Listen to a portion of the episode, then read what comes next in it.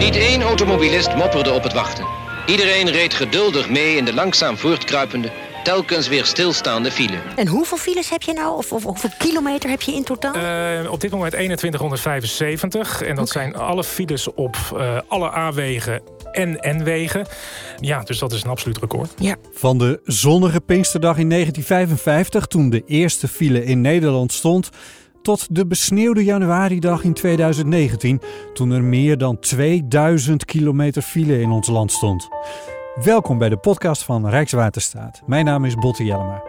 Deze aflevering gaat over de geschiedenis van de file. Afgelopen jaar waren ze er nauwelijks door de coronacrisis, maar de files lijken elk jaar nog te groeien. We zijn er niet blij mee, maar dat sentiment is wel eens anders geweest. En was die eerste file nou wel echt op die Pinksterdag in 1955? De ANWB heeft die eerste file voor een commercial een keer nagemaakt in 2008. Uh, een stuk of uh, 30 auto's, we hebben 100 figuranten. Die moeten allemaal in de kleding gezet worden uit 1955. Maar het is historicus van de ANWB Hans Buiter die zegt dat hij geen direct bewijs heeft gevonden voor deze mythische eerste file van Nederland. Die zou hebben gestaan bij knooppunt Oude Rijn, toen nog een rotonde, aan de zuidwestkant van Utrecht. Hans weet nog hoe deze plek eruit zag in zijn jeugd. Ja, jij Oude Rijn, ja, dus uh, op de achterbank bij mijn ouders. En dan uh, ook als we naar het zuiden reden. Uh, dus uh, altijd vakanties naar Frankrijk uh, toe. En dan was inderdaad het grasveld met een paar koeien erop. Dat kan ik me nog goed In het midden? Ja, in het midden, ja. Koeien graast op Oude Rijn. En uh, ja, was een vast uh, markeringspunt. Ouderijn was het eerste knooppunt van autosnelwegen in Nederland en oorspronkelijk was het een rotonde.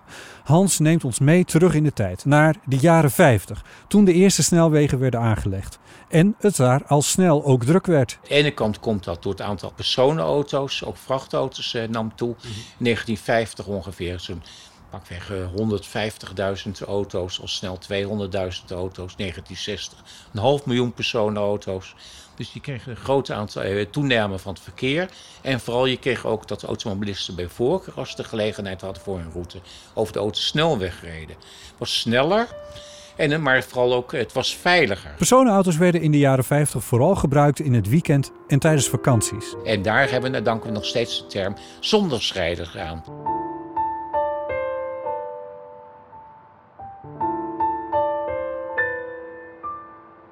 Een ochtend- en avondspits bestond nog niet.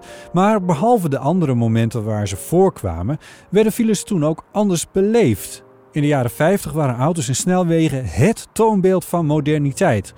Als je meer wil weten over die eerste snelwegen en hoe die ontstonden, luister dan even naar aflevering 3 van deze podcastserie. Maar probeer het je voor te stellen. Voor 1954 moest je van Amsterdam naar Utrecht rijden over smalle wegen door kleine dorpen. Die van Amsterdam naar Utrecht wilde, moest tot voor kort gebruik maken van de beruchte weg langs de Vecht.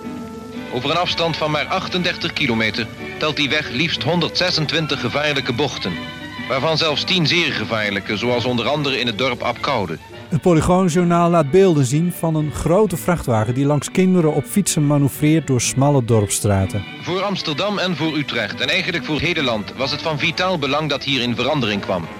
En die verandering is thans gekomen met de ingebruikneming van de 5 kilometer kortere Rijksweg nummer 2 en de nieuwe brug over de Amstel in Amsterdam. In 1954 is de A2 geopend. Die sloot aan op de toen al bestaande A12 met die rotonde bij Oude Rijn. En dat was één jaar voordat die legendarische eerste file daar zou hebben gestaan. Tweemaal zo snel als voorheen, dat wil zeggen in een half uur kan men nu van Amsterdam naar de Domstad rijden. Over een veilige, kaarsrechte weg die niet meer gekruist wordt door wegen op gelijk niveau. Toen had je, zeg maar in 55, had je voor het eerst die, een echte kruising hier. Ja, en had je voor het eerst inderdaad omvangrijke uh, Noord-Zuidstromingen die uh, uh, Oost-West-stromen uh, sneden. Dus eigenlijk de eerste mogelijkheid tot de congres. Die was mondjesmaat ook in 39 al gebeurd. Maar daarna vanaf 54 kon het pas echt losgaan hier. Dus aan de ene kant doordat die weg te lag. Dus dat die trok verkeer naar zich toe. Dat is altijd met zijn wegen. En tweede is, uh, ja, toenemende welvaart. Uh, welvaart in Nederland, dus uh, 200.000 personenauto's. En ook, heel opmerkelijk voor het eerst, ook weer de stromen Duitsers die naar Nederland trokken. En wanneer trokken de Duitsers naar Nederland? Natuurlijk in de zomervakantie. Maar daarnaast ook vooral tijdens mooie weekenden in het voorjaar. Ja. Pasen, hemelvaart en eigenlijk bij uitstek Pinksteren. En waarom Pinksteren? Pinksteren hebben me- hadden mensen min of meer drie dagen vrij. Of in ieder geval eh, op zijn minst tweeënhalve dag. De vrije zaterdag bestond nog niet, maar wel de vrije zaterdagmiddag. Dus dan had je tweeënhalve dag om ergens naartoe te gaan. Alles was dus aanwezig voor een eerste opstopping op de snelweg. Bijvoorbeeld als in 1957 de Velze Tunnel wordt geopend, meldt het Polygoonjournaal het volgende. Een twintigtal bezitters van oude auto's was op het idee gekomen om op de eerste zondag na de opening een ritje te maken door de Velsertunnel. Ze waren daartoe al vrij vroeg op stap gegaan en konden ongehinderd passeren. In de namiddag zouden ze onherroepelijk zijn vastgelopen, omdat bijna 40.000 bezitters van nieuwe auto's op hetzelfde idee waren gekomen. Het resultaat was een complete chaos. Op de aanvoerwegen die op zo'n drukte niet berekend zijn, liep het verkeer volkomen vast. Niet één automobilist mopperde op het wachten. Iedereen reed geduldig mee in de langzaam voortkruipende, telkens weer stilstaande file. Maar hoe zit het nou met die beruchte eerste file bij Oude Rijn in 1955? Hans heeft in diverse archieven gezocht naar een melding ervan. De eerste omleidingen op Oude Rijn. De eerste artikelen die erover eh, vind ik in 1955. Een eh, voetbalwedstrijd Nederland-Zwitserland. Volgens mij was Zwitserland op dat moment regerend wereldkampioen. Nee, niet meer. Ik heb dat niet paraat. Maar Ik heb het ook niet paraat. Laat ik niet speculeren. Ehm, het maakt ook niet uit. Het was gewoon druk vanwege voetbalwedstrijden. Ja, het was druk vanwege voetbalwedstrijden. En de eerste eh, ehm, eh, omleiding vanwege Pinkstergedrukte kom ik tegen in 57. In, in het voorjaar van 57, begin mei, zeiden ze vanwege drukte van de voorgaande jaren op eh, Oude Rijn was het nodig om allerlei maatregelen te nemen. Eh, in ieder geval dus in vijf- eh, 56 was het hier al vastgelopen. En wellicht eh, logisch lijkt het dat het in 55 ook al gebeurd is. Want op dat moment was Oude Rijn al een jaar in bedrijf als kruising. Maar het is allemaal een beetje indirect. Er is natuurlijk geen persbericht de wereld ingegaan. Eh, nu hebben we de eerste file op Oude Rijn. Ja, precies. Nee, nee, nee. Ja, nee, want maar dat, er is dus nog wel, er is een beetje debat over of het toen echt is geweest. Ja, eh, in ieder geval, eh, wat, wat ik eh, eh, als mensen me vragen of dit de eerste files waren. Dit waren per definitie niet de eerste files. Alleen dit zouden wel goed de eerste files op een autosnelweg geweest kunnen zijn.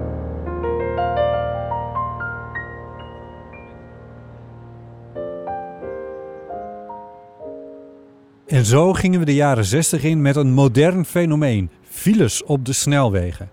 Maar die eerste files waren een bezienswaardigheid. Mensen gingen massaal naar die files kijken. Er zijn heel mooie foto's van de viaducten over de A2 heen. Eh, viaduct Welgelegen bijvoorbeeld. En dat mensen dan massaal eh, naar eh, het vastlopend verkeer keken. Het was sowieso natuurlijk al een feest om eh, mensen te zien rijden massaal. Maar eh, blijkbaar nog feestelijker om ze te zien stilstaan.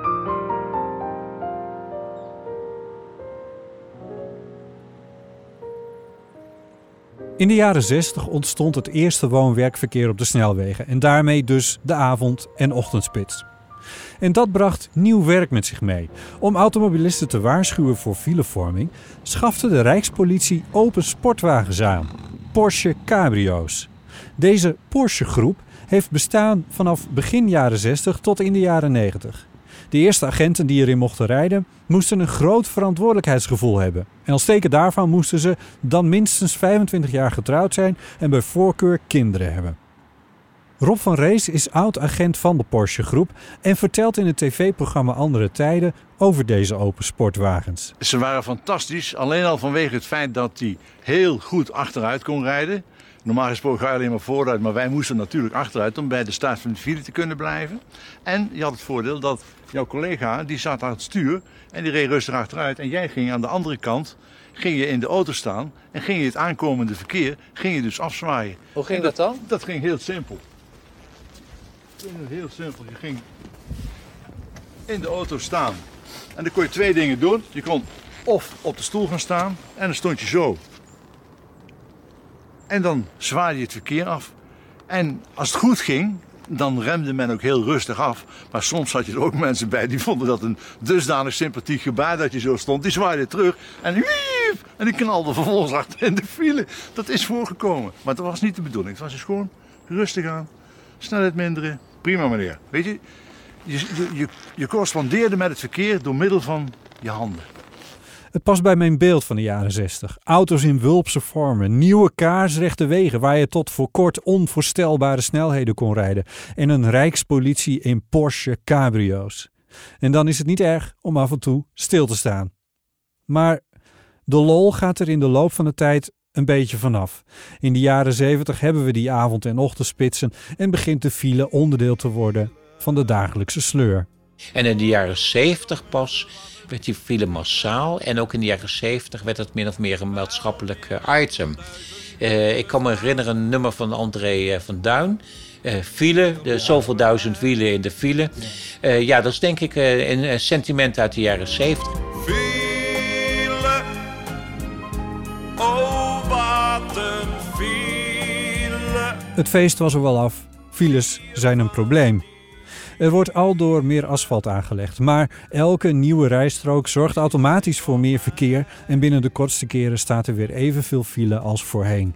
Het aantal auto's in Nederland neemt in de jaren 80 toe tot ruim 5 miljoen. Er was niet tegenop te asfalteren. Pas eigenlijk in de jaren 80 werd het een uh, politiek item en werd ook ja, naar aanleiding van een uh, McKinsey-rapport afrekenen met files, werd er een heel offensief ingezet om de congestie uh, tegen te gaan.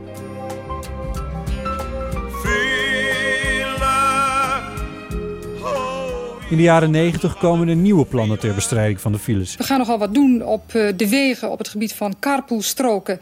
en op het gebied van eh, speciale stroken voor het vrachtverkeer. Minister Maiwerre van Verkeer opent in 1993 de eerste carpoolstrook. Minister Mai, die over het verkeer gaat, moest vanochtend vroeg uit bed om de carpoolstrook te openen.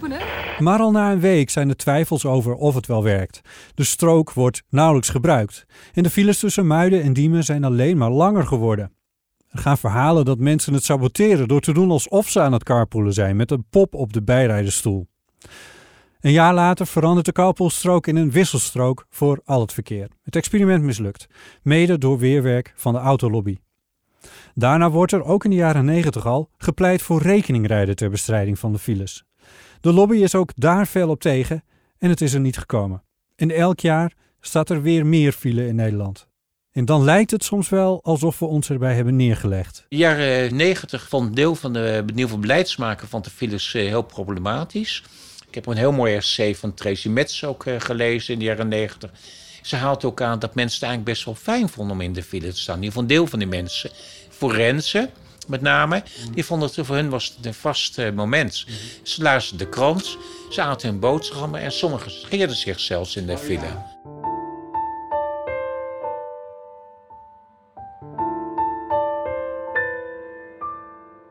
En dan nu.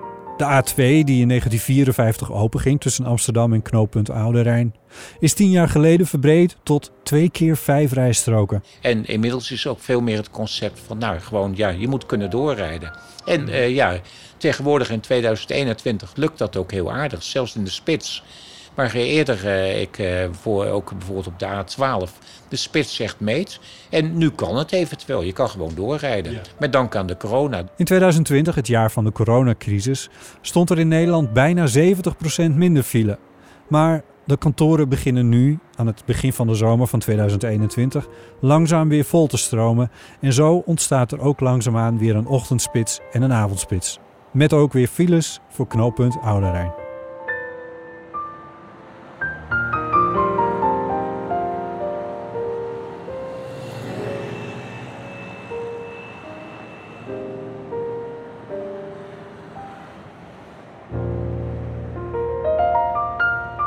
Je hoorde Hans Buiter, historicus bij de ANWB. Ik ontmoette hem op een plek waar we uitzicht hadden op knooppunt Oude Rijn, waar waarschijnlijk met Pinkster in 1955 de eerste file van Nederland heeft gestaan, maar waar de laatste waarschijnlijk nog niet heeft gestaan. Dit was een aflevering van de podcastserie over het werk van Rijkswaterstaat, met dank aan andere tijden van de NTR en de VPRO voor archieffragmenten. Bedankt voor het luisteren.